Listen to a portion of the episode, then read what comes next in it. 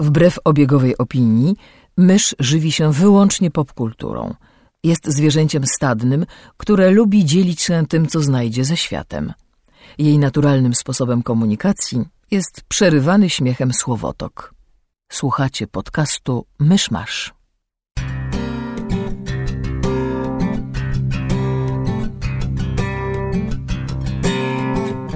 你们好，这是第十五个 Mishmash 博客， 欢迎光临，祝你们好听啦！ Gospodarzami podcastu Myszmasz są Krzysiek Ceran, redaktor portalu Avalon. Kamil Borek ze studia Kobart. i Mysz, autorka bloga Mysza Mówi. Serdecznie witamy w nowym odcinku. Ten, ten odcinek dedykujemy Grey Foxowi, który podrzucił nam temat, te, temat odcinka, ale najpierw drobności i aktualności. Niedawno skończyłem czytać Przedksiężycowych 1 Anny Kańtoch i jeszcze nigdy po lekturze książki nie miałem tak mało do powiedzenia na jej temat.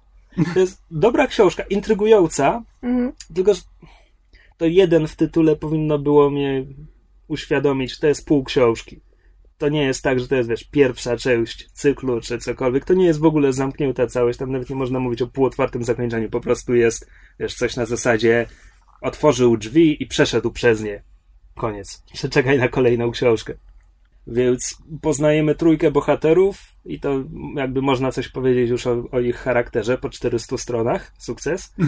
E, I scenografię. A ta jest bardzo intrygująca, bo akcja dzieje się w Lunapolis, ostatnim mieście na jakiejś wymarłej planecie, która, w którym ludzie czekają na przebudzenie, czyli jakieś dojście do raju, a po drodze odrzucają tych niegodnych, a niegodni to są teoretycznie ci, którzy nie są idealni, a bycie idealnym oznacza opanowanie do perfekcji jakiejś wiedzy lub umiejętności, tylko że oni korzystają z inżynierii genetycznej, więc to chodzi o to, że bogaci mogą sobie pozwolić na dziecko, które będzie wszechstronnie uzdolni- uzdolnionym artystą, geniuszem, albo ktoś na przykład daje się okaleczyć w zamian za jakiś niesamowity talent.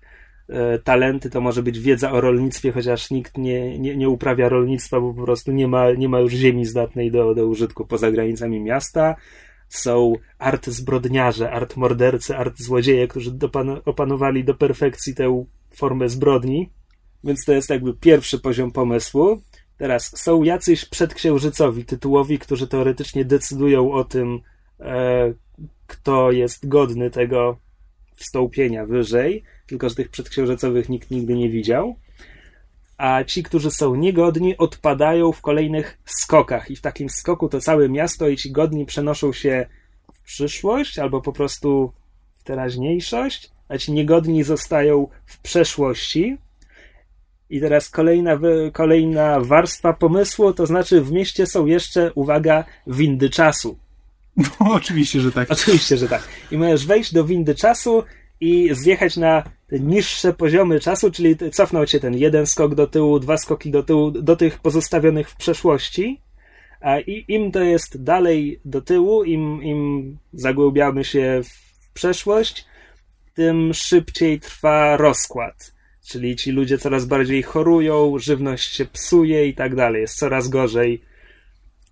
I w to wszystko, w ten układ zamknięty, zostaje wrzucony e, jakiś astronauta, który je, nie jest z tej planety, chyba. Co więcej, jest z Ziemi, to znaczy mo, jest mowa o tym, że zna takie języki jak e, angielski, frankoszpański, tego typu. Przyszłość, rozumiesz? No, Tak. oczywiście tak. I jakby, i to jest wszystko, co jest na razie powiedziane. To znaczy, nie wiadomo, czy na przykład ta planeta to jest Ziemia, tylko szaleńcy zniszczyliście to wszystko, czy, czy on naprawdę jest z Ziemi, a to jest inna planeta, czy to... Cała książka jakby Mhm. wprowadza ten pomysł i przedstawia postacie i niewiele z nimi robi. Zwłaszcza, że na początku mamy powiedziane, jak jeden z bohaterów opowiada tę historię w jakiejś odległej przyszłości, chyba odległej, e, po tym jak ten, ten świat, w tym świecie zaszła jakaś zasadnicza, gruntowna zmiana. Nie wiemy, czy to ci bohaterowie ją wywołali, czy byli jej świadkami, tylko że w tym, w tym pierwszym tomie fabuła jest na bardzo małą skalę. To są jakby ich życia, który, gdzie tam coś się dzieje, ale nie ma nawet śladu tej wielkiej zmiany, która ma zajść. Mhm. Także to jest intrygujące. Na pewno sięgnę po kontynuację, ale to nie jest skończone dzieło. To jest pół dzieła. Mam nadzieję, że pół. Mam nadzieję, że nie będzie tego więcej niż dwie książki. W każdym razie. Ale, ale można lektura. przeczytać następną książkę. Tak, tak. Od choćby dlatego, żeby przekonać się, o czym to właściwie jest. No tak. To ja obejrzałem, znaczy nie w tym tygodniu, co prawda, bo w tym tygodniu to głównie oglądają głupie filmy na YouTubie i panel showy, ale z jakieś dwa tygodnie temu obejrzałem serial, o którym mówił e, Kuba Ćwiek tutaj w podcaście. E, Rectify. To jest, to jest sześć odcinków, to jest cały sezon. E, to jest puszczany na Sundance Channel. Jest to serial naprawdę świetny. Jest stworzony przez producentów Breaking Bad przy czym jest e, zupełnie, zupełną odwrotnością, e, jeśli chodzi o klimat, jest zupełną odwrotnością Breaking Bad, bo ile Breaking Bad to jest taka tragikomedia, ale przede wszystkim tragedia, w której jakby od początku, po obejrzeniu pierwszego sezonu już wiemy, że to się nie skończy dobrze. Znaczy, nie wiem, jeszcze nie było, jeszcze nie było zakończenia, ale wiadomo, że to, to się nie może dobrze skończyć. Natomiast Rectify jest taką serialem obyczajowym przede wszystkim, trochę tragicznym, ale zdecydowanie optymistycznym. Znaczy, nawet jeśli tam się dzieje coś, y, coś złego, to, to cały czas jest taka iskierka, iskierka nadziei, że to się, y, że to się jakoś dobrze skończy. Serial jest, potrafi być momentami zabawny, e, ale, ale nie jest komedią zdecydowanie. Jego najlepszą, największą zaletą jest to, że wszystko, że wszystko pokazuje. Czy to jest naprawdę serial, który wie, jak się posługiwać sztuką filmową i e, wszystko jest jakby pokazywane w kadrach, a nie w, nie w dialogach? Znaczy, jeśli mamy na początku e, znaczy tak, serial jest w ogóle o, już Kuba o tym mówił, ale to powtórzę dla tych, którzy nie pamiętają o co chodzi. Serial jest o mężczyźnie, który w wieku 18-19 lat, coś takiego, został, e, został skazany na śmierć za zabicie, e, za zabicie jakiejś dziewczyny.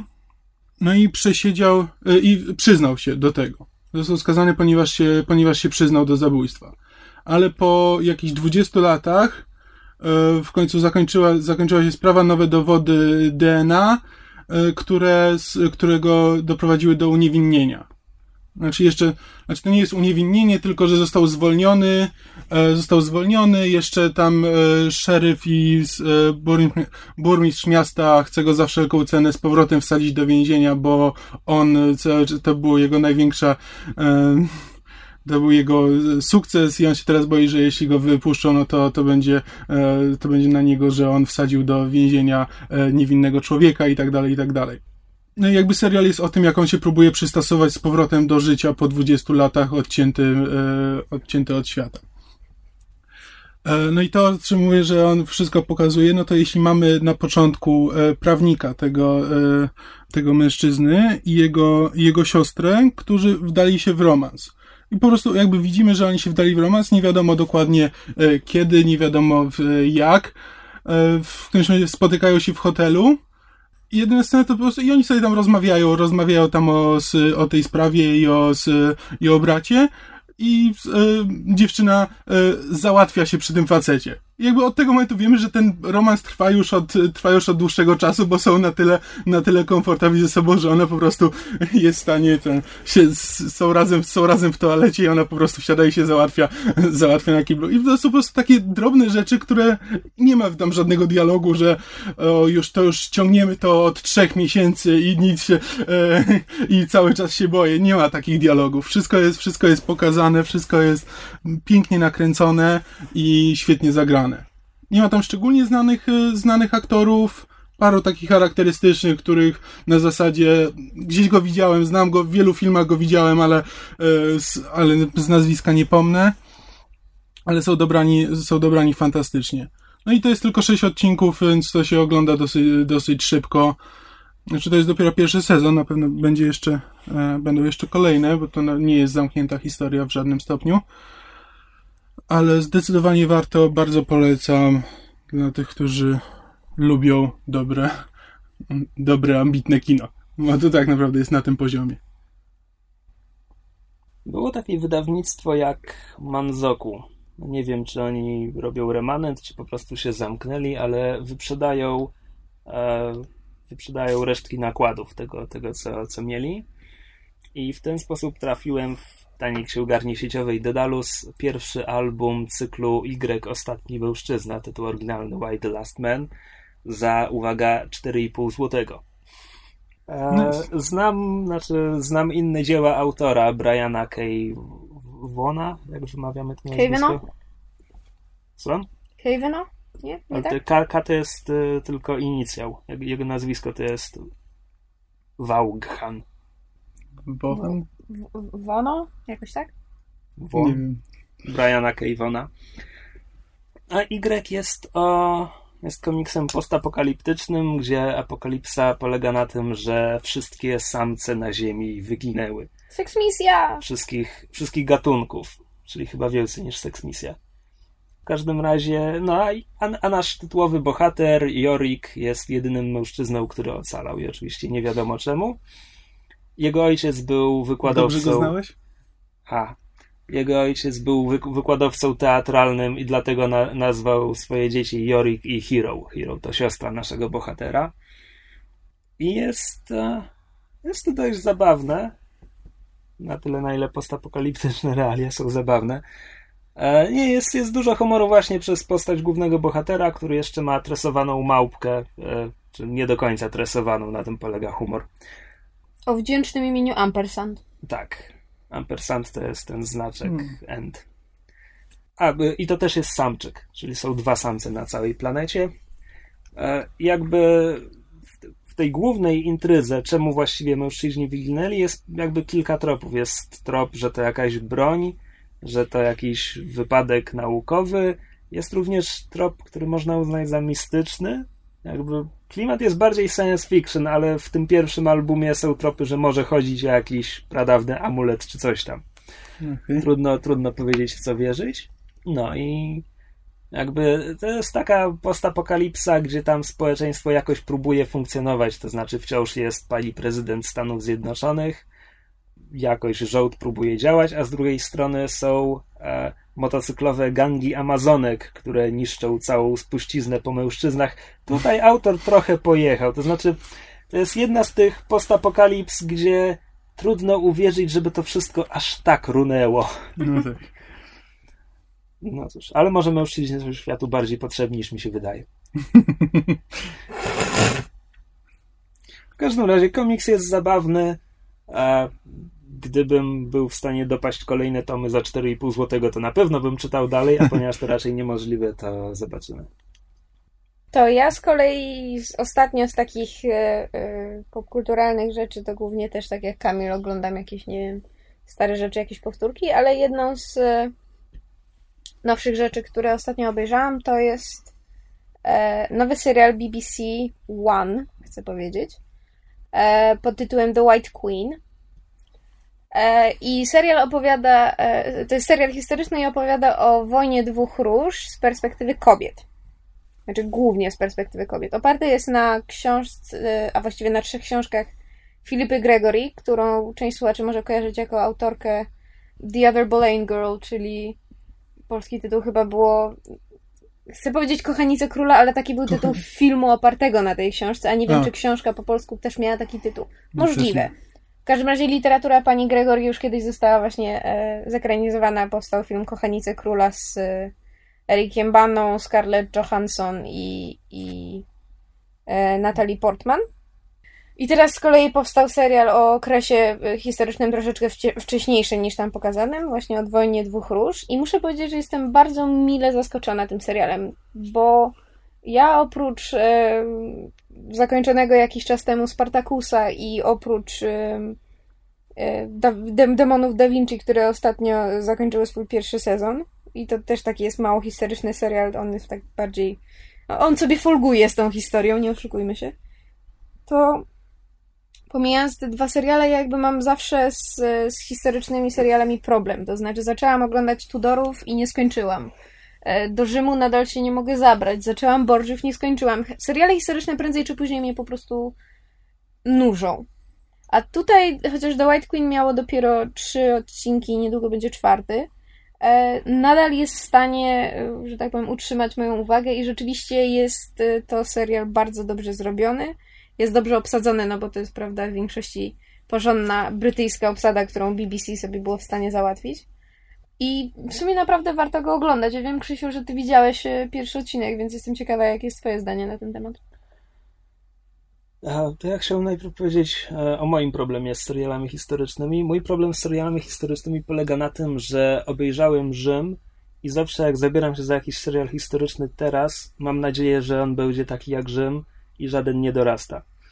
E, I oprócz tego, że Rzym był po prostu świetny, fantastyczni aktorzy, fantastyczne postaci, e, Rzym pokazywał cały przekrój. Trochę jak Gra o Tron, serial niehistoryczny, ale Rzym pokazywał komnaty pałaców i tych arystokratów i to, co oni robią, i doły społeczne z perspektywy Tytusa Pulo i Luciusza Woreniusza. Widać było życie prostych Rzymian i po prostu ulice Rzymu, brud, nełdze, przestępczość. Mhm. A Tudorzy, Bordziowie czy Biała Królowa też się na to zapowiada, pokazują tylko te pałace mhm. i to mnie nudzi. Jakby brakuje mi tego tła. To jest tak oderwane od rzeczywistości. Mhm. Mm. Co powiedziawszy, mój problem z Białą Królową polega na czym innym.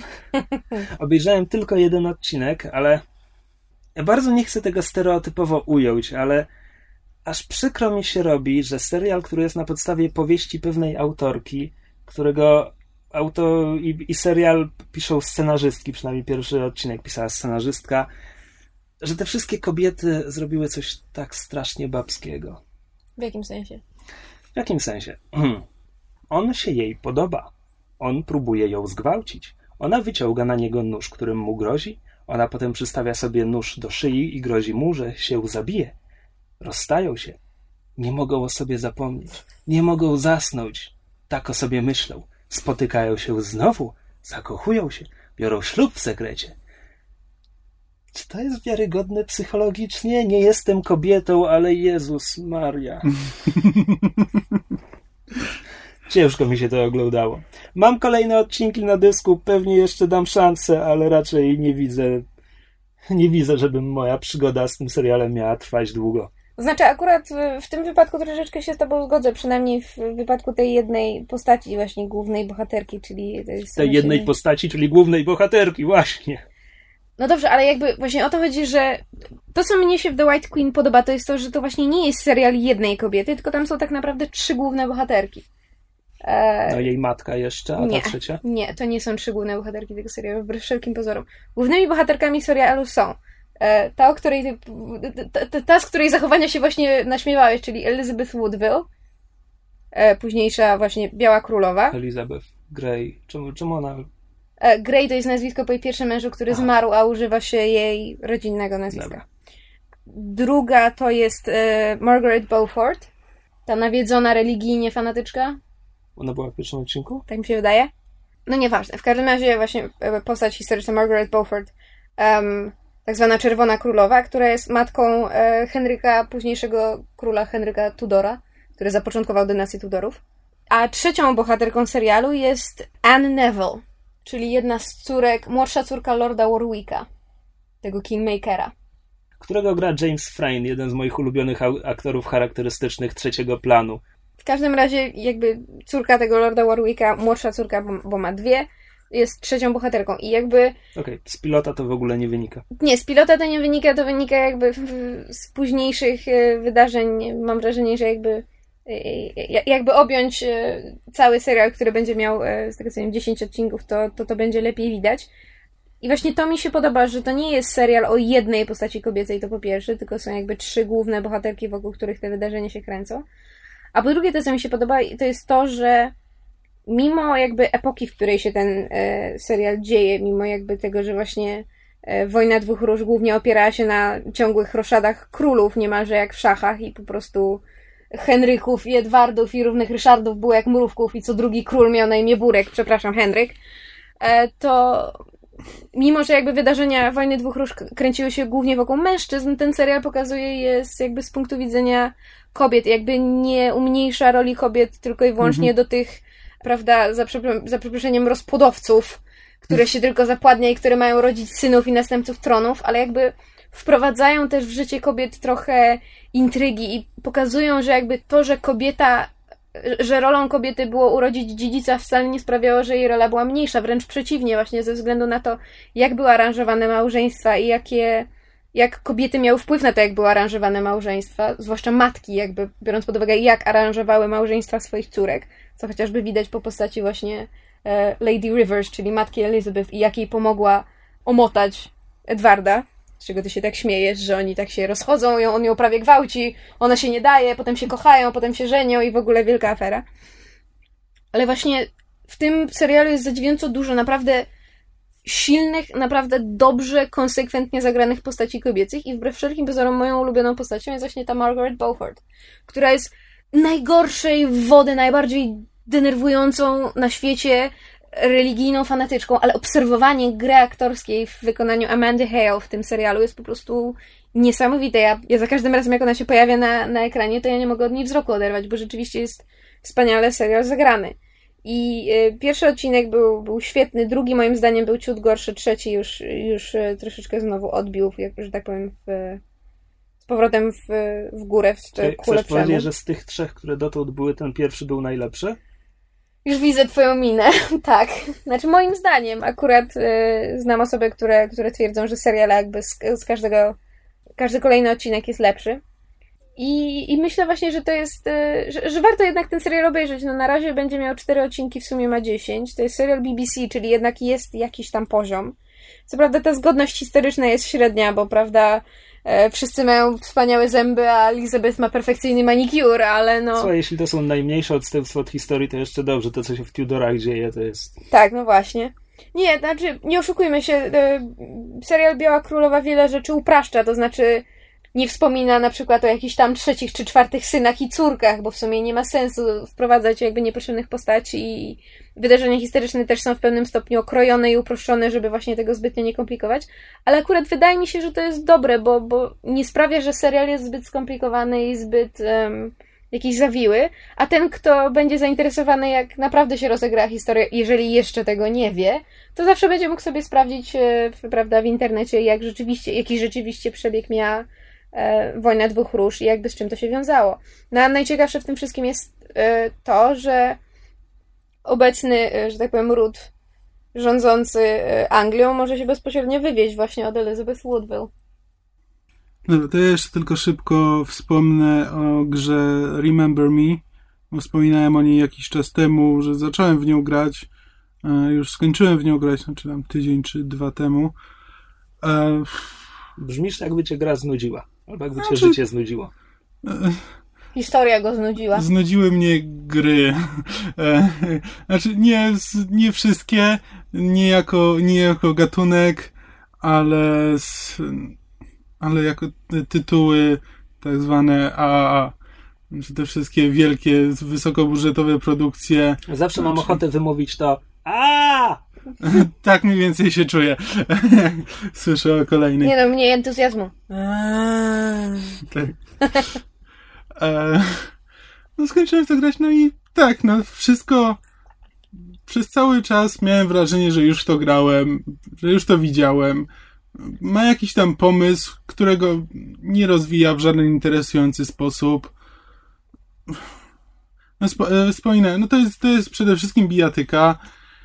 Pomiędzy elementami bijatyki to się biega i skacze po ścianach. To brzmi unikalnie. Prawda?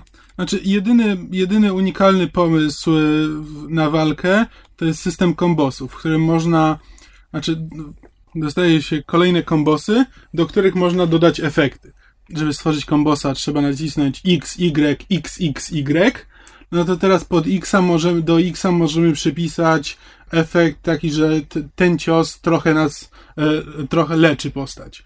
Albo e, zmniejsza cooldown specjalnych umiejętności albo zadaje większe obrażenia, albo jest jeszcze specjalny, e, specjalny efekt, który e, zwiększa efekt poprzedniego, e, poprzedniej komendy w kombosie.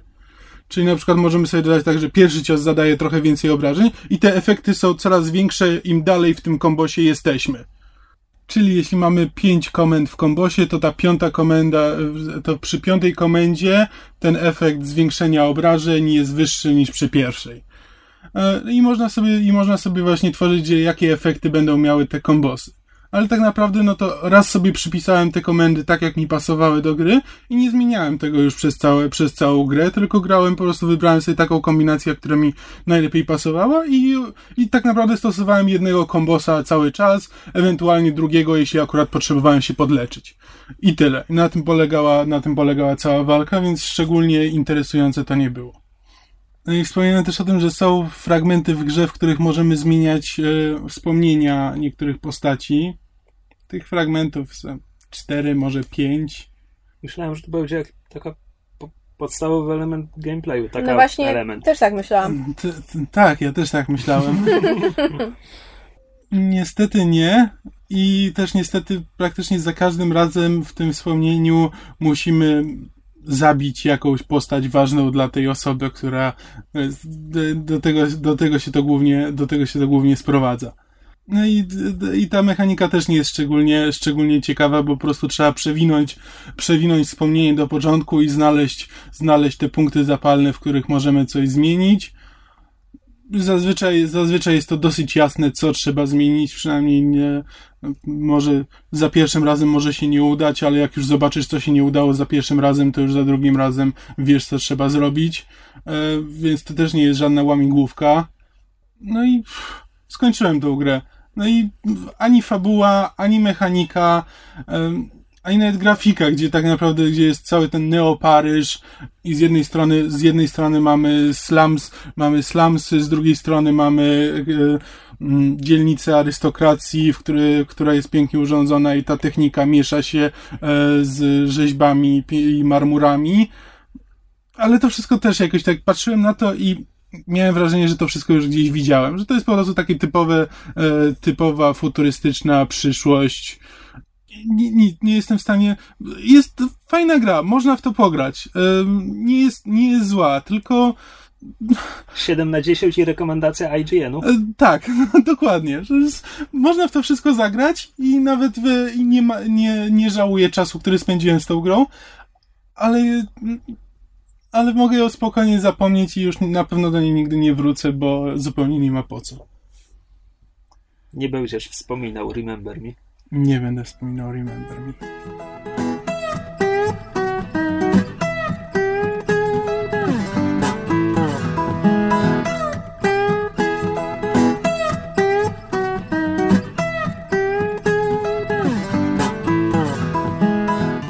Może małe wyjaśnienie, ponieważ mail Grey Foxa zapoczątkuje dyskusję na resztę odcinka, która będzie bardzo spoilerowa.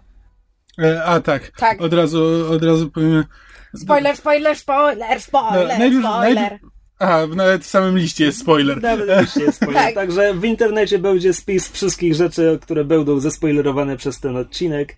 Tak, od tego momentu zaczynają się same spoilery, a my wam rozpiszemy dokładnie do czego i z, z, że tak powiem z minutami i będziecie sobie mogli przewijać wszystko i, i, i słuchać wybiórczo. Czekaj, czekaj, czekaj, czekaj. Możemy zrobić, możemy zrobić reklamę i możemy tak zrobić profesjonalnie. W takim razie e, na, str na stronie myszmaszpodcast.blogspot.com znajdzie się pełna lista spoilerów. Na fejsie też. Ej, cicho, I, na, chciałem, i na i Lipsynie też. Ale chciałem naszego nowego bloga tak profesjonalnie z, e, e, plagować. Pełen profesjonalizm. Dobra. No Grey Fox pisze. Witajcie ponownie. Przyznaję że nie spodziewaliście się mnie tak prędko. To, to prawda, nie mhm. spodziewaliśmy się. Nie spodziewa się hiszpańskiej inkwizycji. Piszę do Was w związku z pewną sprawą, która ostatnio mnie w pewien sposób zaintrygowała podczas lektury pożyczonych od kumpla książek. Mianowicie, jakie jest Wasze zdanie na temat uśmiercania postaci, do których zapołaliście jakąś większą sympatią? Czy jako widz, czytelnik czujecie jakieś ukłucie zawodu, czy nawet dogłębnego smutku? Czy może tłumaczycie to sobie, że autor wie co robi, albo że może na taką postać już skończył się pomysł? Pozwolę sobie teraz przedstawić moje zdanie. Kiedy zginął Kal Drogo, zbielałem z wściekłości, a śmierć Neda Starka doprowadziła mnie do łez rozpaczy. Wprawdzie dopiero nadrabiam pieśń lodu i ognia, serialu nie oglądam, bo moim zdaniem jest nieporównywalnie słabszy, ale pierwszy tom to absolutny mistrz świata, podczas gdy następne są już tylko fajne. Krzysiek doskonale wie, jakie wrażenie zrobiła na mnie śmierć Aresa w drugim numerze Siege. Ja z kolei wiem, jakie wrażenie zrobiła na nim śmierć Nightcrawlera w którymś tam numerze bodajże X-Force podczas Second Coming. Obaj wiemy natomiast, jak bardzo chcielibyśmy, by te postacie wróciły do życia, byśmy mogli przeczytać kolejne fantastyczne historie z ich udziałem. Tutaj Grey Fox spoileruje powieść Warhammer 40 tysięcy Herezja Horusa. Autorzy tej monstrualnej sagi podobno liczy sobie około 25 historii, powieści, opowiadań i audiobooków. Przez trzy pierwsze tomy wykreowali kilka postaci, do których nie dało się nie zapałać jakimikolwiek uczuciami. I najsmutniejsze jest to, że zapadła decyzja, by zabić połowę wiodących postaci, które mimo wszystko były sympatyczne i można się było z nimi zżyć. Dlaczego? Byłem strasznie sfrustrowany decyzją autorów, mimo iż z fabularnego punktu widzenia ma ona jak najbardziej sens. Ale walczę ze sobą, szukam innych rozwiązań, by tylko dowieść, że do cholery można to było zrobić inaczej. Zawsze, ale to zawsze w takich chwilach mam obawy. Jasne, śmierć postaci, którą się lubi, ma prawo zadziałać pozytywnie, wywołać skrajne emocje, po których poznaje się, jak widz tudzież czytelnik odebrał dane dzieło. I to jest fajne, ale jak słusznie Kamil zauważył, w miejsce zabitego z reguły wchodzi ktoś inny. I obawy dotyczą właśnie tego, kto przyjdzie za tych, o których już nigdy nie przeczytamy, ani ich nie zobaczymy. Czy będą to postacie równie ciekawe, a może ciekawsze? A może spowodują, że stracimy wszelką ochotę do dalszego śledzenia danej historii? Mam skromną nadzieję, że temat przeze mnie zaproponowany okaże się dla Was wystarczająco interesujący, by spróbować go podjąć na łamach Waszego podcastu. Byłbym tym niezwykle uradowany i zaszczycony. Trzymajcie się, Grey Fox. Grey Foxie możesz czuć się uradowany i zaszczycony, ponieważ nie mieliśmy żadnych innych pomysłów. To jest nasz temat tygodnia. Ta da da da. Ta da da. Ja może się odwołam do tej, e, do tego fragmentu, w którym zostałem przywołany do tablicy jako Ten, co się pogrąż- popłakał. tak, pogrążony w żałobie po śmierci Nightcrawlera w Second Coming. Second Coming to był taki crossover między kilkoma komiksami o X-Menach, który kręcił się wokół adoptowanej wnuczki Cyclopsa. Nie pytajcie o szczegóły, to zajmie resztę odcinka. I tak gdzieś od drugiego czy trzeciego odcinka tej historii mało kto miał jakiekolwiek wątpliwości, że Nightcrawler w niej zginie. Gdyż albowiem przez poprzednie parę lat Nightcrawler był postacią trzecio-czwartoplanową w X-Menach. Po prostu w tym czasie wszyscy X-Meni i większość sprzymierzonych z nimi mutantów żyła na takiej wysepce przy wybrzeżu San Francisco, nie Alcatraz. E, więc mieliśmy tam kilkudziesięciu X-Menów i kolejnych 100 mutantów, których równie dobrze można było nazwać X-Menami. Po prostu w tym gąszczu gubiło się strasznie wiele postaci. Poza Cyclopsem i Emmą Frostem mało kto był na pierwszym planie. I jeśli na początku tego Second Coming Nightcrawler nagle rozmawia z Cyclopsem o tym, jak to obaj są ludźmi wiary i w ogóle, a w połowie wścieka się na Wolverina za to, że ten kogoś zabija, jakby to było takie tak nagłe katapultowanie go na pierwszy plan, że wiadomo było, że autorzy przypominają postać, żeby czytelnicy coś poczuli, kiedy go zabiją za dwa numery. Scena śmierci była w porządku zrobiona, on się poświęca, żeby uratować właśnie tę wnuczkę Cyclopsa. Na dodatek y, gość, którego trik zawsze polegał na tym, że musi widzieć, gdzie się teleportuje, żeby się nie wteleportować w jakąś ścianę czy coś tam. Nagle ostatnim zrywem teleportuje się bodajże z Las Vegas do San Francisco, bijąc wszelkie swoje życiowe rekordy wykorzystania mocy i tak dalej. To było ładne, tak? Natomiast nie było to ani zaskakujące. Te duże, duże crossovery rządzą się takimi zasadami, że tam ktoś ginie albo w połowie, albo na otwarcie, żeby było mocniejsze uderzenie. Potem jeszcze ktoś się poświęci w finale, to jest No tak. standard. A największe wrażenie to zrobiło na mnie dla, tylko dlatego, że Nightcrawler jest jednym z moich ulubionych mutantów. Także nie, nie sama scena, nawet nie sam fakt, tylko po prostu lubię tę postać. Chciałbym poczytać o niej jeszcze. Tylko lepsze historie. Dla mnie jedyny taką śmiercią ekranową, która sprawiła, że się po prostu wkurzyłem i to na twórcę, e, to była śmierć Washa w Serenity. O Jezu, tak. Bo po, przede wszystkim Wash był zawsze moją ulubioną postacią, więc to już e, sama, jego śmierć e, byłaby, byłaby dla mnie trudna zawsze, niezależnie od okoliczności, bo, bo, mi brak, bo mi brakowało tej postaci. Ale jeszcze to, w jaki sposób to zostało zrobione. To znaczy, e, w filmie im tam się udaje przedostać przez to, jak to się tam nazywało, nie pamiętam, strefę, w każdym razie strefę tych Reaperów, czy Reven. e, Riverów. Riverów, znaczy się. E, Z maserek to mi się teraz popieprzyło. W każdym razie Udało mi się przedostać i na koniec, jak już, jak już wszystkim się wydaje, że wszystko jest w porządku, to nagle przez kadłub statku... Nie, nie, nie, nie, nie, nie. I Wash mówi ten I'm a tak. leaf on the wind, watch how I... Znaczy, popisuje się swoją wielką zdolnością pilotowania statku, po czym zostaje zabity. Tak, po czym nagle przez kadłub statku jakiś wielki pręt się przebija i nabija go. Harpun. To, Harpun? to, to był harpun Riverów chyba. Nie wiem, może, już nie będzie pamiętam będzie dokładnie jak to wyglądało. Ale, Ale no, tak, ale to był taki moment, w którym po pierwsze to jest naj... No, dla ważnej postaci, no to to jest najgłupsza śmierć, bo po prostu znikąd. No a po drugie, to od razu zabiło we mnie wszelkie nadzieje na e, kontynuację Firefly'a, bo Firefly bez Washa to nie jest Firefly dla mnie. E, I w tym momencie byłem po prostu wkurzony na Jossa Whedona, że mi to zrobił. Co nie zmienia faktu, właśnie dlatego, że to była taka lubiana postać i właśnie dlatego, że to było tak totalnie niespodziewane, bo już byli w ogródku, już witali się z gąską, po czym nagle jeb. Właśnie Tak. dlatego to wywiera takie mocne wrażenie. Tak, przy czym dla mnie było bardziej wrażenie po prostu wkurzenia na No. autora niż... e. Ale no może, może to też ma coś w sobie. Otarłeś się o coś ciekawego, bo mówisz, że to jest taka głupia śmierć, tak? Że jakby że ten bohater jakby zasłużył na coś większego, tak? No tak. Trochę. To takie wielkie poświęcenie bohatera, dzięki któremu inni są w stanie coś osiągnąć, czy który ratuje czyjeś życie i sam umiera i tak dalej, jakby to też jest klisza. No tak. Natomiast konkretnie z Whedonem, Whedon w finałach, zwłaszcza w finałach swoich seriali, zazwyczaj zabija dwie postaci, z których jedna ma to wielkie poświęcenie, żeby coś osiągnąć, a druga ginie tak jak łoż, od tak, żeby zginąć. Tak No, było w Sereni- Serenity. W Serenity zginęły dwie postacie głupio. Bo z, zginął e, Shepard Book, Tak. e, który po prostu poza kadrem został zabity. Tak, tak, ale zobacz, że Mm. Sh- Shepard Book jeszcze przekazuje ostatnią mądrość Malowi. To jest ta, ta jego śmierć, w której coś z tej śmierci wynika. To pcha Mala do, No do dobra, działania. Natomiast potem mamy w Dollhouse'ie e, postać Frana Kranza, za- zapomniałem jak się nazywa, poświęca się, żeby... Topher. A, tak. Tak, Topher. Topher. Poświęca się, żeby uratować świat, a postać Tamota Peniketa ginie, bo ginie. Nawet nie pamiętam, jak on ginie. Pamiętam tylko, że on ginie.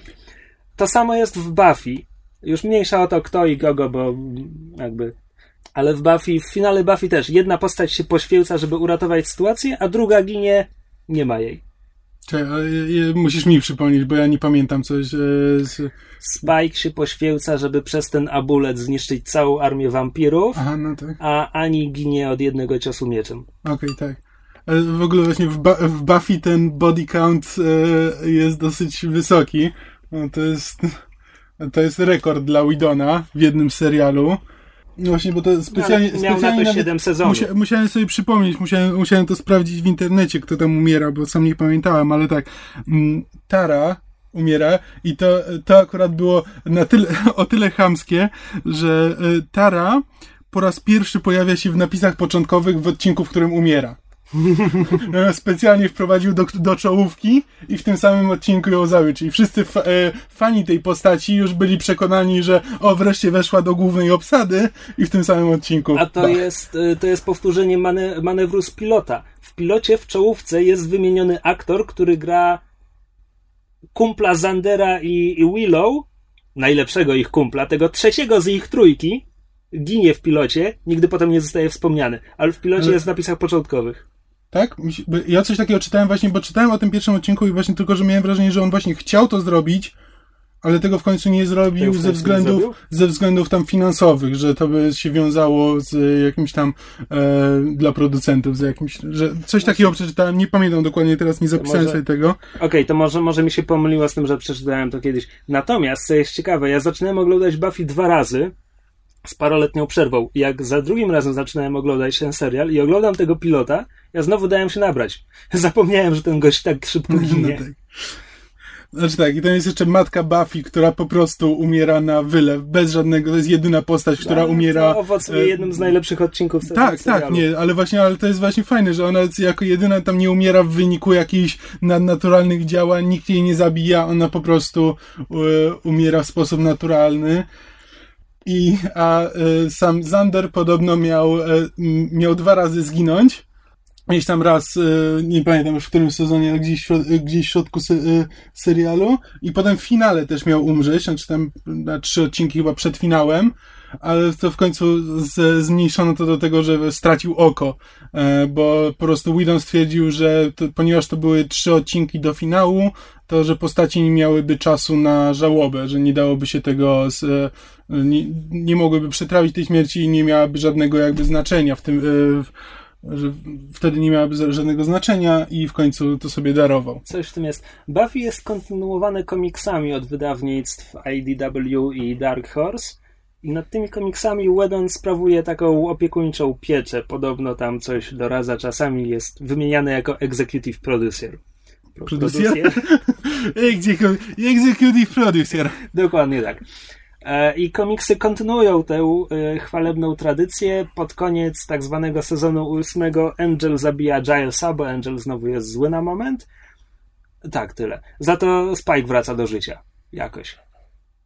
Że właśnie to mnie też dziwiło, bo z, y, y, mówiąc o ewentualnych, ewentualnej kontynuacji Firefly'a, tutaj wspominał, że to, że y, Wash zginął, nie znaczy, że nie mógłby się pojawiać w kontynuacji, coś takiego, tylko że nie wiadomo, nie wiem, czy on miał na myśli to, żeby się we flashbackach pojawiał, czy rzeczywiście, czy Firefly od, prowadziłby jeszcze wątek ożywiania e, postaci, bo to już by była przesada. Dla... Nie da się tego wykluczyć. Natomiast były też komiksy trochę kontynuujące Firefly'a, też z błogosławieństwem Widona i tam pojawia się wątek, który TV Tropes klasyfikuje pięknie jako Someone to Remember Me By, to znaczy okazuje się, że Zoe jest w ciąży. Jeszcze jeśli chodzi o takie śmierci, które z ten... E. Znaczy tak, ja sam tego nie doświadczyłem, ale y, widziałem internet po Final Fantasy VII. Gdzieś w ciągu gry, sam nie dotarłem do tego momentu. Mm, kiedyś grałem Final Fantasy VII, ale nigdy nie skończyłem. Umiera z jedna z postaci Aeris, no się chyba nazywa, mam nadzieję, że nie przekręcam. I w tym momencie cały internet dostał fizia Internet? Czekaj, Final Fantasy VII to jest który rok? To chyba tak re, retro, retrospektywnie ten internet dostał fisia. Znaczy nie, no już wtedy, już wtedy tam działały i no fara i tak dalej. Mam wrażenie, że ja to wszystko widziałem interne w internetach. Może. Mm, no ale tak, ale znajomi też, którzy się pasjonowali wtedy anime i JRPG-ami, to też, też wspominali to jako taką najbardziej romantyczną śmierć i naj, Śmierć Eris jest często przywoływana, jak wraca to koszmarne pytanie, czy gry komputerowe są sztuką. To jakby pytanie pomocnicze jest, czy wyzwalają głębsze emocje, czy ktoś się kiedyś rozpłakał przy grze komputerowej, właśnie wszyscy przywołują mm -hmm. wtedy śmierć no Eris, no co jak dla mnie jest pewnym oszustwem, bo ona ginie w przerywniku, tak. a nie w grze, no nie w gameplayu. Śmierć w gameplayu, która zrobiła na mnie wrażenie, to jest, uwaga, uwaga, e, w pierwszym Wiedźminie. W pierwszym Wiedźminie trzeba wybrać, czy opowiadamy się po stronie ludzi, czy nie ludzi.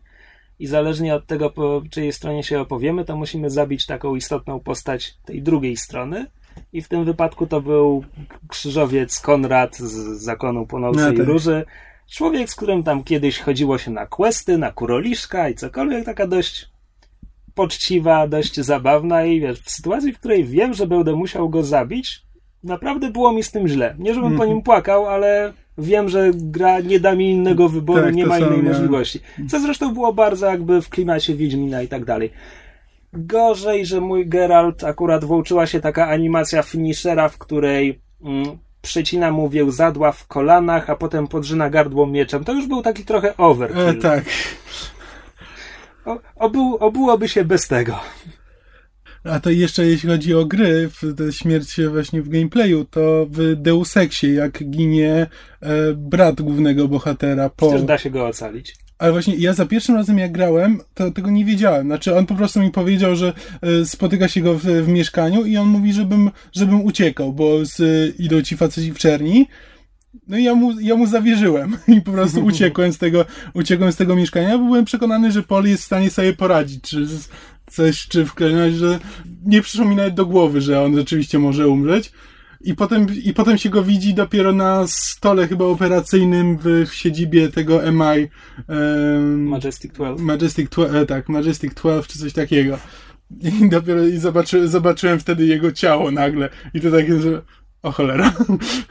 Ale Deus Ex, chociaż był bardzo rozbudowaną grą, bardzo wiele miał takich możliwości właśnie w gameplayu. Nie takich wbudowanych, mm -hmm. że wiesz, w tym momencie, że gra ci mówi, że jeśli zrobisz to, to stanie się to, tylko takich, że musisz to sam odkryć. Mhm.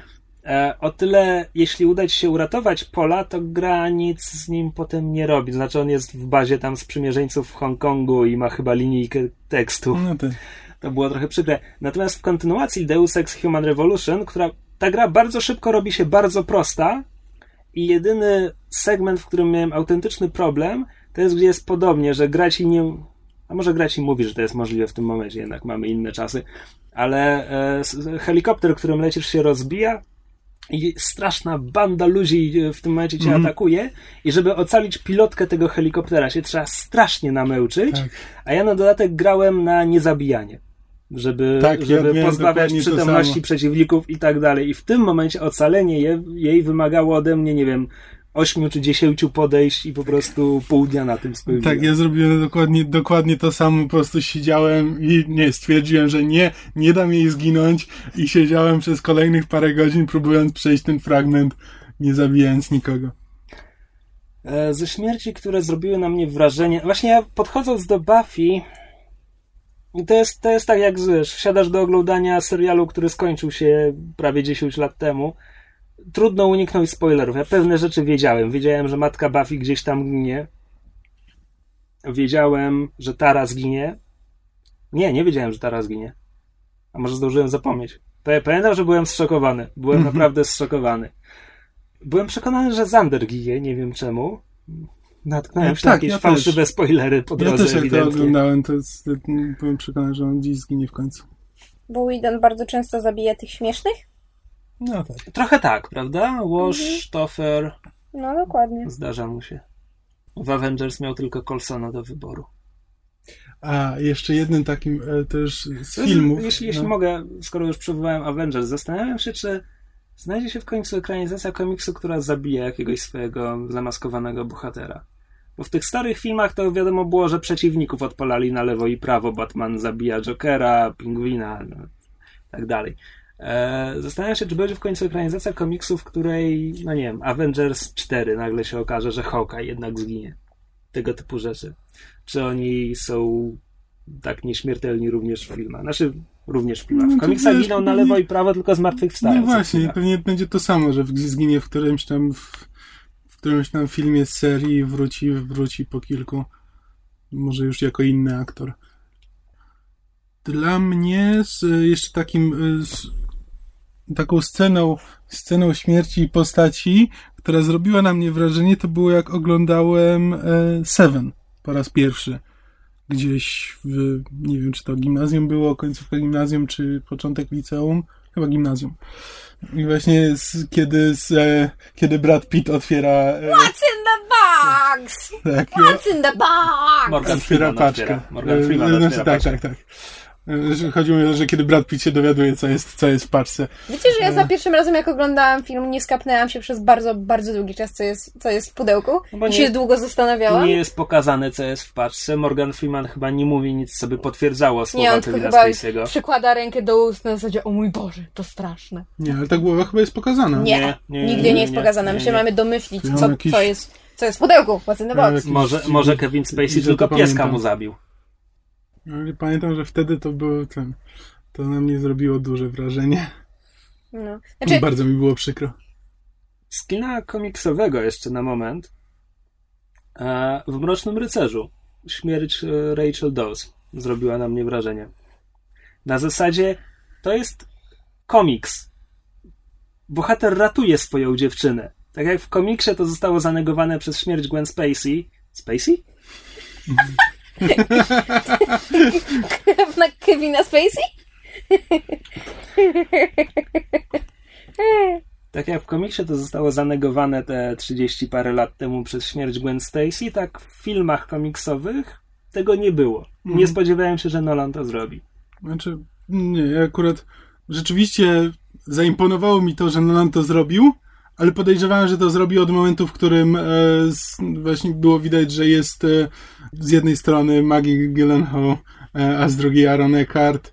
I tak właśnie i pie, pierwsza moja myśl to właśnie była, że mm, to Nolan. Że pewnie, pewnie będzie chciał teraz to naruszyć ten znany schemat i ten, i Batman uratuje. e, Ja byłem przekonany, że uratuje dziewczynę, a Eckhart straci pół twarzy. A bo wy tak cały czas mówicie... Oczywiście, ponieważ w tym momencie to było tak dobrze poprowadzone, to potem byłem strasznie rozczarowany finałem z okrętami, No tak. gdzie nie dość, że wszyscy są czyści jak łza i po prostu nie są w stanie przycisnąć tego cholernego guzika. Nie, finał, finał Mrocznego Rycerza jest zły. I dialogi, jakie tam są koszmarne dialogi. Mieszkańcy go tam udowodnili ci, że są prawi i porządni i nie zniszczysz ich. Ja lubię filmy Nolana, ale rzeczywiście jego dialogi są, e, są właśnie to, to, to, to samo co w Man of Steel, że po prostu ludzie do A ty siebie widziałeś, wreszcie widziałeś przemawiają. w końcu Man of Steela. A tak, no widziałem w końcu Man of Steel, że po prostu ludzie do siebie przemawiają, a nie, nie rozmawiają. Myszu, próbujesz coś powiedzieć od paru minut i ja ci ciągle przerywam. Tak. Znaczy, bo wy tak cały czas mówicie na temat tego. Że ja wiem, że chłopaki nie płaczą, ale cały czas mówicie na temat tego, że jakaś śmierć, nie wiem, wywarła na was płakałem po wrażenie. Mufasie. Tak, że jakaś śmierć wywarła na was wrażenie, albo że wam właśnie zaimponowała, że ktoś się na to odważył, a czy właśnie. No bo. Ja, ja też mam taki moment. Znaczy, jakby. W większości wypadków, jeżeli jest śmierć jakiegoś bohatera na ekranie, nieważne czy to jest mój ulubiony, czy to jest istotny bohater, czy to jest jakaś tam postać poboczna, praktycznie w każdym wypadku ma, mam dwa podejścia. Znaczy, pierwsze podejście to jest podejście emocjonalne na zasadzie albo mnie ruszy, albo mnie nie ruszy, a drugie podejście to jest to takie, prawda, chłodne, e, zdroworozsądkowe podejście na zasadzie, czy ta śmierć miała sens, czy rzeczywiście właśnie robi wrażenie, czy to był odważny, czy to była odważna decyzja ze strony reżysera, scenarzysty, nieważne. Ale właśnie tak cały czas słucham was i mówicie, że to było imponujące, że to wywarło wrażenie. A ja się tak zastanawiam, a co z tymi śmierciami, które po prostu powodują, że człowiek ich zaczyna po prostu nawet nie zorientuje się, że mu łzy z oczu lecą i lecą, przepraszam, i jest takie, ale dlaczego? Why did he have to die? Ale on ją tak bardzo kochał. Właśnie Przykłady? bardzo Przykłady, próbowałem sobie mówimy? przypomnieć taki film. O Jezu, ja mam setki, ale ja jestem, ja jestem po pierwsze jestem baba, a po drugie ja się strasznie łatwo wzruszam. Ty płakałaś po Kirku na Star Treku. Tak, też prawda. Wiedząc, że zmartwychwstanie Wiedząc, że zmartwychwstanie. Tak, bo po prostu właśnie o to chodzi. Ja jestem. Bo, bo, bo to nawet nie chodziło o to, że Kirk umiera, to chodziło o to, jak Spock reaguje na jego śmierć. To mnie ruszyło. An! nie to! Wcześniej! Spock nie wie, że Kirk zaraz zmartwychwstanie. Ja wiem, ale to nie zmienia faktu, że emocje, które Spock w, ta, w danym momencie przeżywa na ekranie, dla niego są prawdziwe i dla mnie przez to też są. Ani słowa, Krzysiek, Nic widzę twoją mówię. minę. Nic widzę nie twoją mówię. minę. Mówię, jestem, ba- Każdy, każdy ma prawo do swoich jestem łez. babą i się wzruszam. Może im ale- marnować, jak mu się tylko żywnie podoba. Tak, dokładnie. Ale na przykład są takie, są takie filmy, przy których płaczę praktycznie za każdym razem i jakby Człowiek przyszłości. tak, są tak, znaczy po prostu nie, na, na emocjonalnym poziomie nie jestem w stanie zrozumieć, jak człowieka może taki film nie ruszyć. Właśnie Kamil tutaj powiedział Człowiek przyszłości. Bicentennial Man z Robinem Williamsem, który gra robota, który chce być człowiekiem. Nie I- widziałem. Nie... O mój Boże! W ogóle przeprosi oburzenie. Nie, autentycznie. W każdym razie ja przy tym filmie płaczę za każdym razem. Tak samo mam przy Zielonej Mili. No na miłość boską. Jak, jak, jak John Coffey siedzi na tym krześle elektrycznym i zaczyna śpiewać Heaven, I'm in Heaven, no ja już teraz na samą myśl dostaję po prostu ten. Oczy, oczy mi się za, zamglowają. Ja mam film, przy którym mi zawsze oczy łzawią, ale to nie jest śmierć po postaci, tylko to jest podniosłe wzruszenie. Najlepszy propagandowy film świata, Casablanca. A, Kiedy zagłuszają Marsylianką jakiś tam hymn niemiecki. Znaczy właśnie rzadko kiedy reaguję aż tak emocjonalnie na s- ten, czy na śmierć. Jakby potrafię ten, potrafię się wzruszyć na filmach, ale zazwyczaj nie jest to z tego powodu, że ktoś umarł. Nie, ja nie wiem na czym to polega, ale mnie śmierć właśnie w filmach i w serialach rusza i na przykład przy Moulin Rouge zawsze płacze, no bo on ją tak bardzo kochał, a ona mu umarła. Na miłość boską ja w, Ale w najpierw- operze na ale- trawiacie płaszczy, to jest ta sama historia. Ale najpierw e, nazywa ją dziwką i rzuca jej pieniądze w twarz. Tak, i to bo jest ją właśnie- tak kocha. Ale to jest właśnie najsmutniejsze, że on nie wiedział, że ona to robiła dla jego dobra i ona potem umiera i on się orientuje i on ją tak kocha i przeprasza, ona i tak umiera. A najlepsze jest to, że ten film jest idealnym przykładem na, na właśnie jakby na to, że właściwie nieważne Na Znaczy- tym, żeby działać na emocje, a nie intelekt, bo jest strasznie głupi. Nie, że na samym początku filmu zostaje nam powiedziane, że The Woman I Love is dead. Od początku filmu wiemy, że ona umiera, że ona musi umrzeć. Film nam to mówi wprost, a ja i tak za każdym razem się rozklejam. Więc, wiesz, to jest tak jak chociażby przykład właśnie, nie wiem, e, na przykład Spartakusa, który jest w jakimś stopniu serialem historycznym. Przecież wiemy, co się dzieje, wiemy, że Spartakus umiera. No, co prawda, serial to pokazał inaczej niż, prawda, jakby było mm, teoretycznie w rzeczywistości, ale przecież wiemy od początku serialu, że Spartakus umrze. I mimo, że to wiemy, jak przychodzi ten finał i Spartakus umiera, ja wiem, że ty się wzruszyłeś, Kamil. Musiałeś się wzruszyć. Znaczy, nie Come on. wzruszył finał, tak, jakby. Ale mówię, to nie jest. To nie jest reakcja na śmierć. Jakby już potem, jak doszło do śmierci z Spartakusa, to już, to już mi powoli te, te emocje opadły, ale najbardziej właśnie mnie ruszył, ruszyły po prostu wydarze, wszystkie wydarzenia finału. A nie to, że akurat śmierć Spartakusa, bo akurat śmierć Spartakusa była, znaczy uważam, że bardzo dobrze zrobiona, ale z, ale nie wywołała we mnie jakiejś... Nie czuli brutale. Mhm. Tyle wam powiem. Ja nie widziałem finału Spartakusa. Ale mówię ogólnie Aha, teraz. rozumiem. E, Grey Fox porusza ciekawą kwestię śmierci postaci, na którą skończył się pomysł. I to Mhm. jest coś, co mi przeszkadza. To znaczy, jeśli nie ma, jeśli to jest koniec historii i chodzi o to, że nie ma pomysłu, bo, bo historia tej postaci się skończyła i ten śmier- ta, jej śmierć ma sens w ramach historii, albo żeby zmotywować inną postać do jakiegoś działania, czy coś takiego, to okej. Natomiast jeśli to jest tyle, takie tylko nie wiem, co z nią zrobić, mogę ją zabić, no to nie, to lepiej, lepiej, nie wiem, zapakować ją do więzienia poza kadrem i może pomysł się pojawi, to jeszcze kiedyś się ją No wyciągnie. to tak, szczególnie, że to automatycznie powoduje to, że ciężko, e, mm, ciężko zareagować na taką śmierć, bo jeśli po prostu, no bo jeśli się skończył na nią pomysł, skończyła się jej historia, no to czytelnik, widz, e, czy ktokolwiek też już to wie, że ta historia się skończyła, więc wtedy no ta śmierć no po prostu jest, no. I ciężko się właśnie śmierć, śmierć postaci jest moim zdaniem wtedy najbardziej efektywna, kiedy z, e, no, kiedy nie jest tak spodziewana, kiedy to nie jest, to nie jest po prostu decyzja producencka, bo ta postać już nie jest potrzebna, to możemy ją zabić, tylko właśnie wtedy, kiedy ta postać jest potrzebna i nagle ginie, no to wtedy można, można poczuć coś do niej. No ja właśnie tego nie rozumiem. Znaczy, może to jest kwestia innego podejścia jakby do, do popkultury, ale ja nie przypominam sobie, przynajmniej w tym momencie pamięć mnie y, zawodzi, nie przypominam sobie, żebym kiedykolwiek, czytając książkę, oglądając film, serial, cokolwiek, oglądając miała przeświadczenie, aha, historia tej postaci się skończyła, ewentualnie widać, że twórcy nie mają na nią pomysłu, czyli ona zginie, mogę się nie przejmować. Nigdy nie miałam czegoś takiego. Dla mnie śmierć praktycznie dowolnej postaci zawsze praktycznie jest jakimś szokiem, jak wywołuje jakąś emocję. Nigdy nie mam czegoś takiego, Ale że... czekaj, czekaj, sama mówiłaś o traktowaniu tego dwutorowo, na poziomie emocjonalnym i na tak, poziomie ale po zastanawiania fakcie, się. po fakcie, zawsze po fakcie, nigdy przed. To nie jest tak, że ja widzę, że aha, ta postać się w ciągu ostatnich paru sezonów skiepściła, czyli jeżeli ona zginie, to mnie to nie zdziwi, bo to ma sens. Ja nigdy czegoś Jak, takiego nie jakbyś, jakbyś czytała komiksy Marvela, to byś się trochę znieczuliła No właśnie, mam wrażenie, że to jest różnica e, Ta podejść. kwestia, tak, ta kwestia nie ma pomysłu na daną postać, Mhm, e, jest w komiksach tych pisanych przez wielu autorów, właśnie Marvel, DC, jasne. jest bardzo jasno widoczna. Przykłady. Była taka grupa postaci jak New Warriors. Oni mieli chyba własną serię w latach 90., czy coś takiego, może jeszcze potem im się udało.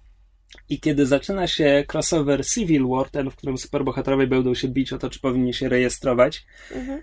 E, Ta historia zaczyna się od tego, że e, ta grupka próbuje złapać jakiegoś zbira i ten zbir detonuje całą szkołę małych dzieci oraz tę grupę. Tę grupę, którzy, która pewnie miała jakichś fanów, jacyś ludzie kupowali tę ich serię, a teraz po prostu jedna strona nie ma ich. Mhm. Pięć, siedem postaci idzie ten. Obecnie jest wydawana seria Avengers Arena, w której Mhm. taki jeden zły zbrodniarz porwał grupkę nastoletnich bohaterów i każe im się zabijać, bo naczytał się Hunger Games. To jest dosłownie, znaczy nie ma podanego tytułu, ale jest powiedziane, że ostatnio w szpitalu naczytał się takiej powieści i teraz, Mhm. teraz to robi. Mhm. I część z z tych postaci została stworzona na potrzeby tej serii. Część to są właśnie postaci, które stworzono 10-15 lat temu, które miały jakąś jedną krótką serię, potem się gdzieś przewijały. Mają swoich fanów. No jeśli seria jest nastawiona tylko na to, żeby ginęli, no to tak, zwłaszcza, że była reklamowana. Była reklamowana na, jako kupujcie tę serię, żeby popatrzeć, jak wasi ulubieńcy giną. Sama seria moim zdaniem się broni, ja ją lubię ale też z drugiej strony nie ma tam postaci, do których byłbym bardzo przywiązany. Gdyby takie postaci tam były, może odbierałbym to trochę inaczej. I wreszcie trzeci przykład. Charles Xavier to jest postać komiksowa, na którą ostatnio, w ciągu ostatnich 10 lat był jeden scenarzysta, który miał na niego pomysł, a ponieważ wszyscy inni nie mają na niego pomysłu, to na przestrzeni ostatnich 5 lat e, Xavier ginął dwukrotnie w finale dużych crossoverów. No tak. Ostatnio w zeszłym roku. Opełtany Cyclops go zabił. Nie pytajcie. Spoko. Jestem w stanie to przyjąć do wiadomości, nie rusza mnie to. tak. A taka, taka śmierć, która na mnie ostatnio zrobiła wrażenie, czy ostatnio jak ostatnio, e, ale to był w Mass, w Mass Effectie 3. E, Mordin. Mordin, tak, bo to już w momencie, kiedy on wchodzi do windy, to ja już czułem gulę w gardle. I potem jeszcze mówi to someone, someone else might have made him, e, nie wiem jak to brzmiało. Someone else might have got it wrong. Might have got it wrong. I takie, o, come on. To jest najlepiej zrealizowany wątek w całej trylogii Mass Tak. Effect. Jak najbardziej. Zakładając, że gracz dotrze do tego zakończenia, bo tam są cztery warianty. Tak, ale więcej. tam jest parę, parę postaci, które umiera i z tych wszystkich to tak naprawdę tylko Mordin mnie Tak, ruszył. znaczy, że pozostałe mają głupie albo bardzo głupie zgony y, w trójce. W jedynce, jeśli gracz y, jest bezwzględny i gra tak, żeby, żeby wykończyć Rexa, to jest strasznie mocna scena. Nie wiem, ja oglądałem ją na YouTubie tylko, ale robi wrażenie, nawet wyrwana z kontekstu. Nie pamiętam szczegółów, ale to jest tak, że y, jeśli kierujesz rozmową z Rexem tak, żeby go wykończyć, e, to Rex zostaje postrzelony w plecy przez kogoś innego z twojej drużyny, chyba Kaidana albo, albo Ashley, i potem Shepard go wykańcza strzałem w głowę. Takie Aha, okej. bardzo bezwzględne. Przynajmniej tak to zapamiętałem. Wyszło. Tak, ja jestem bardzo ciekawa, bo ja wiem, ja, ja, ja tak siedzę i patrzę na ciebie, Kamil, i ja wiem, że jest jakiś film, gdzie popłakałeś się na śmierci bohaterów i chyba wpadłam na to. Seeking a Friend for the End of the World. Come on! Okej, dobra, come tam się on! wzruszyłem rzeczywiście. Come on, no. I to była kwestia śmierci, to już nie była kwestia To wydarzeń. Był, to był ten film z Keirą Knightley i Steve'em Carellem? Tak, Nie widziałem go. szczerze go polecam, autentycznie. Nie spodziewałam się po tym filmie niczego dobrego Jeszcze i mnie bardzo miło zaskoczył. Seeking a Friend for the End of the World. Polski tytuł? Przyjaciel na koniec świata. Bywało gorzej. Bywało go. Bywało gorzej. Naprawdę. E, w każdym razie, sw- swoją drogą, bardzo ten film słuchaczom polecam, bo to jest naprawdę zaskakująco dobry, ładny film. Mhm. Autentycznie. A jestem bardzo ciekawa, znaczy, bo tak tutaj mówimy o grach i o komiksach i o filmach, o serialach. E, a jeszcze praktycznie nie mówiliśmy o książkach. Czy właśnie jestem ciekawa, jak jest u was? Czy na przykład macie coś takiego, że książki wywołują silniejsze emocje niż powiedzmy filmy albo seriale? Bo ja tak mam. Może to jest kwestia tego, że jakby czytając książkę to jest. Mam wrażenie, że czytając książkę człowiek się bardziej angażuje niż kiedy ogląda serial, bo kiedy ogląda serial ma wszystko podane na tacy, znaczy ogląda, ma przed oczami, a kiedy czyta, sobie wyobraża jakoś, em, nadaje tym postaciom troszeczkę też swoich cech charakteru, jakichś swoich emocji i kiedy te postaci umierają, to ja zazwyczaj jestem w kompletnej restrykcji. Ja pamiętam, kiedy pierwszy raz czytałam e, Wiedźmina. Ja płakałam przez następne pół godziny. Ja nie byłam się w stanie Sagi. nie byłam się w stanie po prostu kompletnie opanować. W ogóle się tego nie spodziewałam, a miałam wtedy, co ja miałam, 11 lat. Może ze dwa lata wcześniej płakałam, bo umarł Mufasa, więc to dla mnie naprawdę było straszne. A jeszcze na dodatek Sapkowski przecież saga o Wiedźminie to są dwa tomy opowiadań, siedem tomów sagi, dobrze mówię? Pięć tomów. czy tam w Sagi. W sumie siedem tomów e, całej sagi. Więc naprawdę jest dużo czasu, żeby się przywiązać y, do tych bohaterów. I potem oni giną. I to jeszcze w taki, w tak bezsensowny sposób. Ultimately ja to jest naprawdę się bezsensowny uciekł nawet sposób. do słowa idiotycznie, kiedy ginie Regis na zasadzie ale czarodziej i na wampira miał sztuczkę. Tak, ale Regis Bo też tak, mnie ruszy. bo nikogo nie oszczędza. Ale właśnie to jest straszne, że tak wiele, bo jakby tak wiele po- postaci, znaczy nazwijmy to pobocznych, drugoplanowych ginie w, w, jakby w tym wielkim finale, prawda, w zamku Wilgefortza. Pobocznych. Pierwszoplanowy, pierwszoplanowi też przecież. Pierwszoplanowi też, tak. No, no jakby cała chmara tych postaci ginie w tym, w tym zamku i jest takie, wiesz, no dobra, był już wielki finał, ci, którzy mieli zginąć, zginęli, spoko, mogę, mogę przestać płakać, mogę odetchnąć, otrzeć łzy i czytać dalej do końca i będzie happy end. I potem na koniec, jak, jak przepraszam bardzo, Geralt dostaje, co to tam było, dwuzębnymi widłami, czy tam trójzębnymi, już nie pamiętam, który ginął od ilu zębów, Eskel, czy tam nie, Cohen czy Esker? Nieważne, który z Wiedźminów, a, a, a Geralt. I potem Yennefer ginie, dlatego że wykorzystała za dużo magii, żeby go próbować odratować. Właśnie to jest miałem takie zapy- idiotyczne. nie mogłem, nie mogłem sobie przypomnieć, czemu Yennefer ginie. Już nawet ona- wydawało mi się, że z żalu nad Wiedźminem. Nie, to było tak, że. Bo, bo Straciła wolę ona. do życia.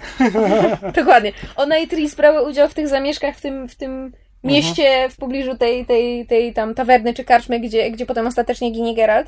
E, Bo tam się rozpętały jakieś straszne tam e, Pogrom zamieszki, tak, po, pogrom się rozpętał i one tam Tris z Yennefer użyły magii, żeby ściągnąć ten e, grat.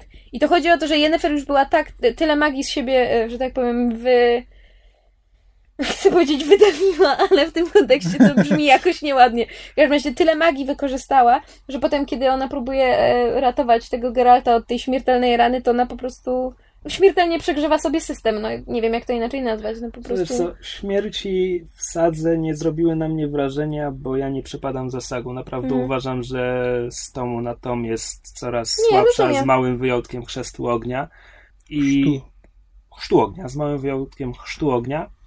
I mam wrażenie, że Sapkowski po prostu się zaplątał w swojej fabule i chciał to mieć za sobą. Znaczy wiesz co, ja teraz z perspektywy czasu też jestem w stanie jakby to stwierdzić i widzę jakby, które fragmenty są gorsze, które lepsze, jaki jest jakby gdzie fabuła jest lepsza, gdzie gorsza, prawda, jak to tam, jakie są fluktuacje w, przez całą sagę, ale w momencie, kiedy ja to czytałam po raz pierwszy, mając te tam 9 czy nie pamiętam, 11 lat, to naprawdę było, wiesz, to, było, to była moja pierwsza styczność z fantazji, z polską fantazji, z wielką sagą i na dodatek, wiesz, na koniec zabijają nie dość, że większość postaci pierwszo- i drugoplanowych, tych fajnych, tych naprawdę fajnych, jak właśnie na przykład Regis albo Kahir, którego nauczyłam się bardzo lubić, czy nawet ta cholerna, jak ona się Milwa. mówi? A, nie, Ang- a, Angulem. A, angulem. E, Milwa to już w ogóle. A, e, I wiesz, i potem jest takie, no dobra, no to zabili już tych, którzy mieli zabić, i potem na koniec ginie ci dwójka głównych bohaterów. No come on! To naprawdę było chamskie dla, dla 11-letniej małej dziewczynki, która pierwszy raz w życiu czytała fantastykę. To było straszne. Pomijam już moje późniejsze, bardziej dorosłe doświadczenia z Achają, która też jest strasznie chamska, jeśli chodzi o śmierć głównej bohaterki. Sirius i Zan przeżyli, prawda? E, znaczy, Były jest, jedyne postacie, na których mi jest, zależało. jest powiedziane, że, że, że, że przeżyli, ale jakby... e, Znaczy oni też giną, bo no wiesz, Achaja się kończy epilogiem, w którym w, w epilogu jest powiedziane, że ci, którzy przeżyli, to albo mieli szczęśliwe życie, albo po prostu pr- umarli, bo albo byli starzy, albo chorzy, albo ktoś ich zaatakował, No tak, albo jakaś tak, asesynacja. Wracając do Twojego pytania, zadanego 15 minut temu, czy Mhm. większe wrażenie robi śmierć w książce, czy w filmie, serialu, no to ja jestem prostym zwierzątkiem i na mnie jednak śmierć ekranowa robi większe wrażenie, zwłaszcza jest najczęściej potęgowana muzyką, czy, Mm. Czy brakiem muzyki, jak w, w wypadku matki Buffy w Buffy. I na przykładach śmierć Boromira. W książkach U. zupełnie nie zrobiła na mnie wrażenia, a w filmie, zwłaszcza, że film, w przeciwieństwie do książki, film strasznie spłaszcza tę postać. Dopiero sceny wycięte z dwóch wież nadają mu trochę głębi, tak naprawdę. Więc w filmie to jest jego jedyna okazja, żeby pokazać, że jest kimś więcej. Zwłaszcza, że wcześniej tam trenował z tymi małymi hobbitami, to akurat jest dodane w filmie, ale to jest ładna scena. Mhm. Znowu, jedna z dwóch, które trochę pogłębiają postać. E, więc to jest bardzo ładne w filmie. A z kolei w książkach, no to z książek, które tak e, zabijają swoich bohaterów i są z tego tak bardzo znane obecnie, to mamy oczywiście Grę o Tron. Te zgony w książkach nie robiły na mnie, e, poza, e, poza, czy, poza krwawymi godami. To faktycznie w książce zrobiło na mnie duże wrażenie. Ale pierwszy tom, śmierć Kala Drogo w ogóle nie zrobiła na mnie wrażenia. No, Na- nie na zrobiła mnie w wrażenia serialu. Ani, w, ani w książce, ani w serialu Na jakoś mnie w nie serialu zrobiła. No Znaczy, ale w to jest... książce, dobra, in, może inaczej. W książce nie zrobiła na mnie wrażenia, bo ta postać tam jest po prostu tłem do Daenerys. Nie ma szczególnie jakoś swojej, swojej osobowości, a ponieważ już wiedziałem w, po książce, że on umiera, to jakby w serialu to nie zrobiło na mnie wrażenia. Znaczy ja nie znałam książki, a w serialu... y, Znaczy zaczęłam czytać książkę w tym samym momencie, kiedy zaczęłam oglądać serial i dogoniłam... Znaczy y, czytając książkę przegoniłam serial, to znaczy dowiedziałam się najpierw z książki, że Carl ginie, a potem dopiero on zginął w serialu Mhm. i muszę powiedzieć, że w książce, mimo że nie wiedziałam, że to się stanie, to mnie w ogóle nie ruszyło, ale dlatego, że dla mnie jakby w, w książce Carl i, i, i Daenerys, o, ten ich związek, i ja nie widziałam w nim tej miłości i czułości, która potem była w serialu świetnie pokazana. Znaczy, jakby było pokazane, że owszem, on był brutalny i on ją teoretycznie wziął siłą, ale że oni, że oni się w pewnym momencie nauczyli siebie kochać i że to była. To, to, z tym było prawdziwe uczucie, w, tam, w tym była czułość i dlatego ta, ta śmierć na mnie w serialu wywarła większe wrażenie. Dziwne, bo ja W książce miałem... on ją właściwie tylko gwałci, a ona nie wiedzie czemu to przyjmuje i potem zaczyna go lubić. To jest bez sensu. Potem zaczyna to lubić. Jezu. Ah, I see what you did there. Nie, No. nie, to, to Martin. To Martin, to nie ja. Mm. To jest tak opisane. Tak, właśnie mówię, no. A ona się nie wiedzie czemu zgadza na To, to. to, jest, to jest tak opisane. Tam jest zdanie, parafrazuję, a w jej nocnych krzyk, jej nocne krzyki już nie zawsze były z bólu, czy coś równie Jakoś tak, było coś takiego. Mm. To nie ja, to wszystko Martin.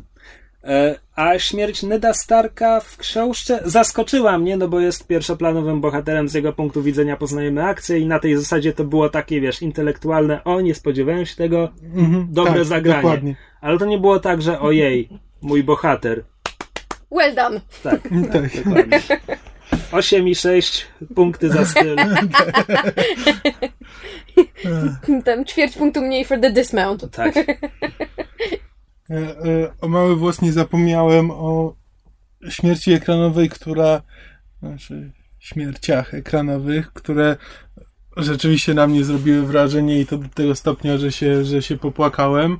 E, To było oglądając e, finał e, Six 600 Feet Under. pod ziemią. Tak, 600 pod ziemią. To jest przykładowy, podręcznikowy, e, kiedy mówię o śmierci postaci, która jest zakończeniem historii postaci, zwieńczeniem.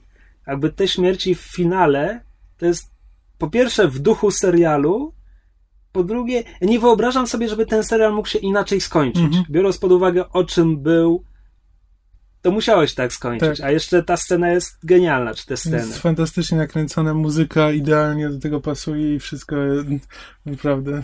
I to jest takie, takie zakończenie, może nie wesołe, ale ukontentowane, tak jakby cały serial jest o tym, ale jeszcze na zakończenie jest takie przypomnienie, tak, śmierć jest częścią życia. mhm, I, i zwłaszcza ci bohaterowie są tego świadomi. tak.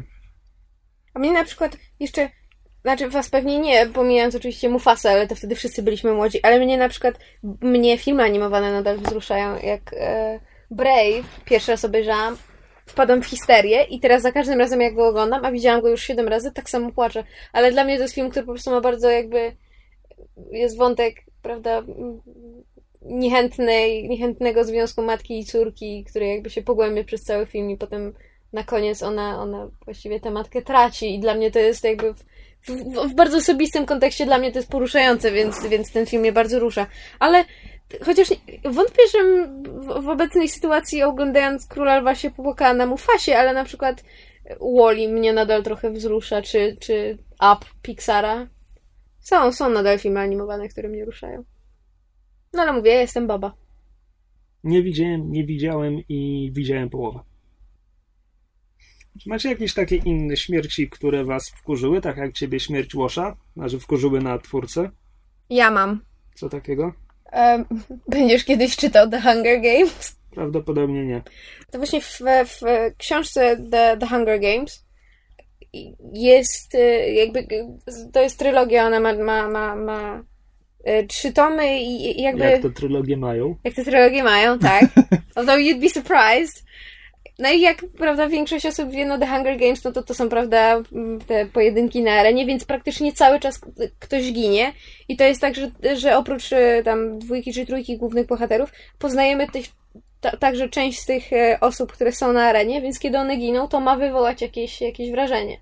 Ale ponieważ e, fabuła serii się rozwija i w pewnym momencie to przestaje być o walkach na arenie, a zaczyna być bardziej o ogólnokrajowej rewolucji, czy, czy, czy jakimś tam buncie, to, to jakby potem to przestaje być walka na be, bezsensowna śmierć na arenie, a zaczyna być bezsensowna śmierć w, prawda, w bratobójczej, czy jakby tego nie nazwać walce, więc jakby kontekst się zmienia, co jest ciekawe. Ale pamiętam, że, że, że tak jak byłam się w stanie jakoś pogodzić ze śmiercią Finika Odera, mhm. Kamil, Kamil wie o kogo chodzi, taka postać, którą na początku mamy, mamy troszeczkę znielubić, a która jakby przez, przez e, późniejsze wydarzenia bardzo się rzeczywiście rozwija i staje się... To ten z głupią brodą? Nie, to jego nie, jego jego nie, nie ma w pierwszej części. Tak, jego, jakby to jest postać troszeczkę.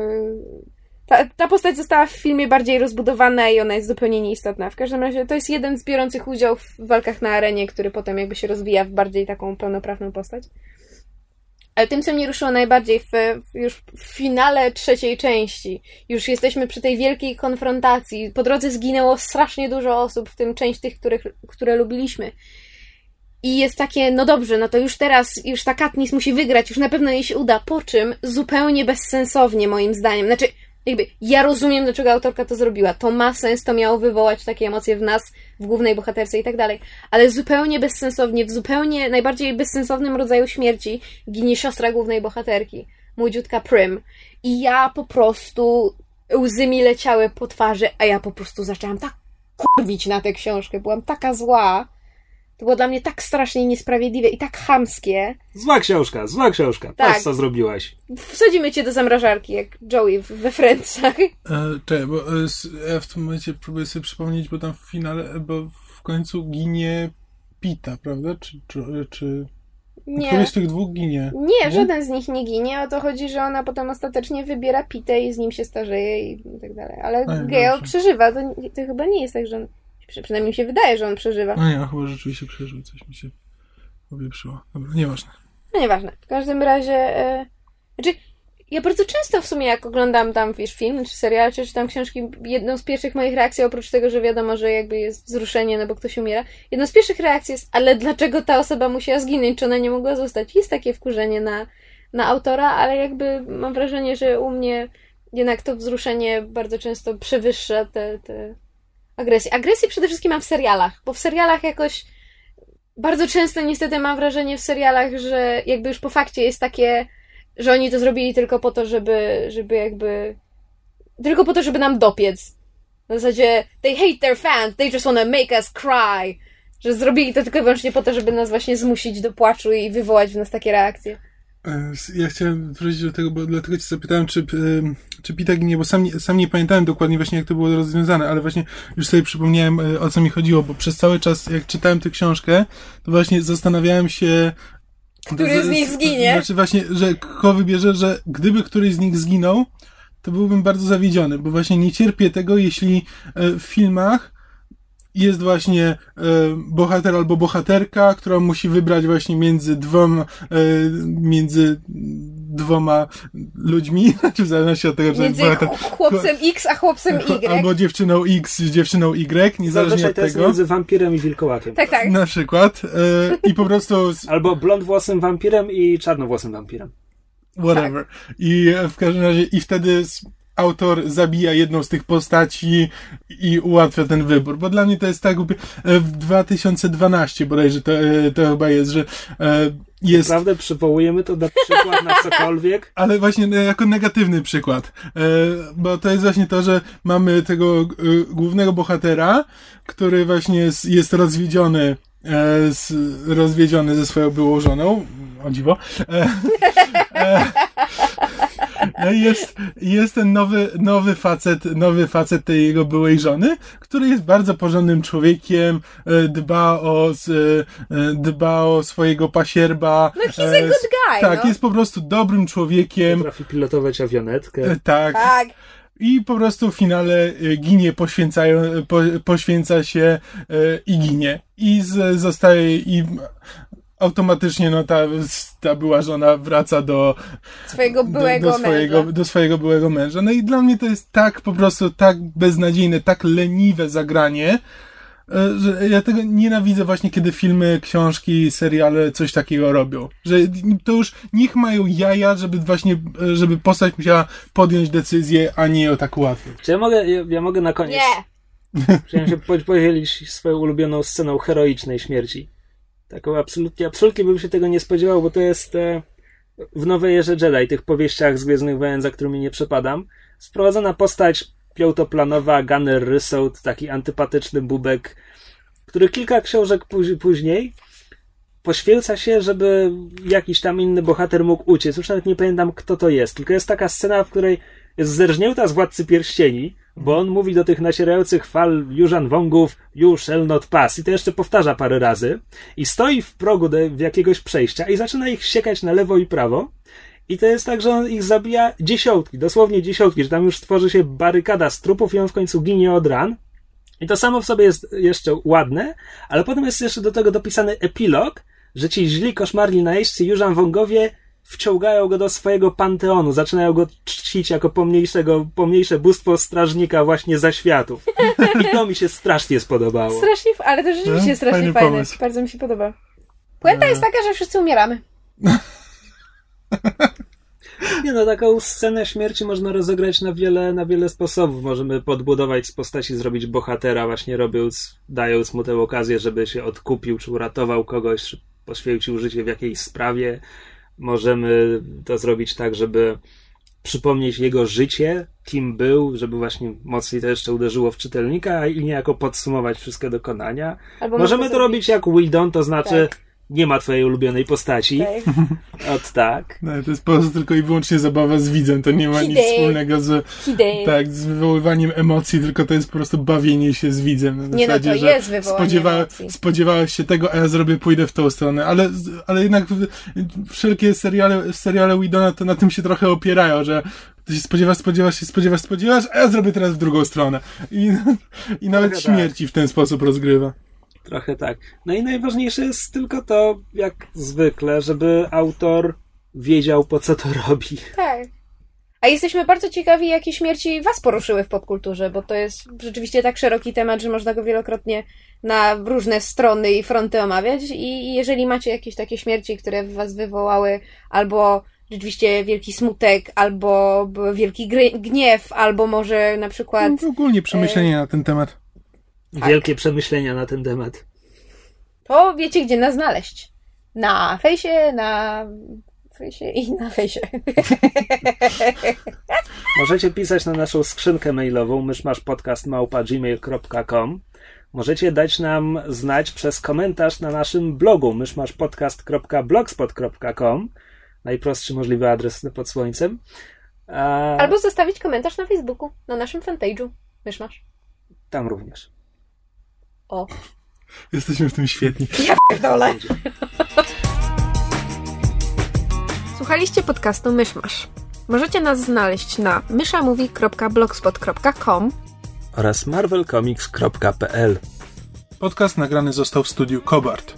www.kobart.pl Jeśli macie jakieś komentarze, pytania albo sugestie, jesteśmy także na Facebooku. Podcast Myszmasz dostępny jest także na iTunes. Jeżeli wystawicie nam ocenę, Będziemy szczęśliwi jak kolczatka w kolczudze.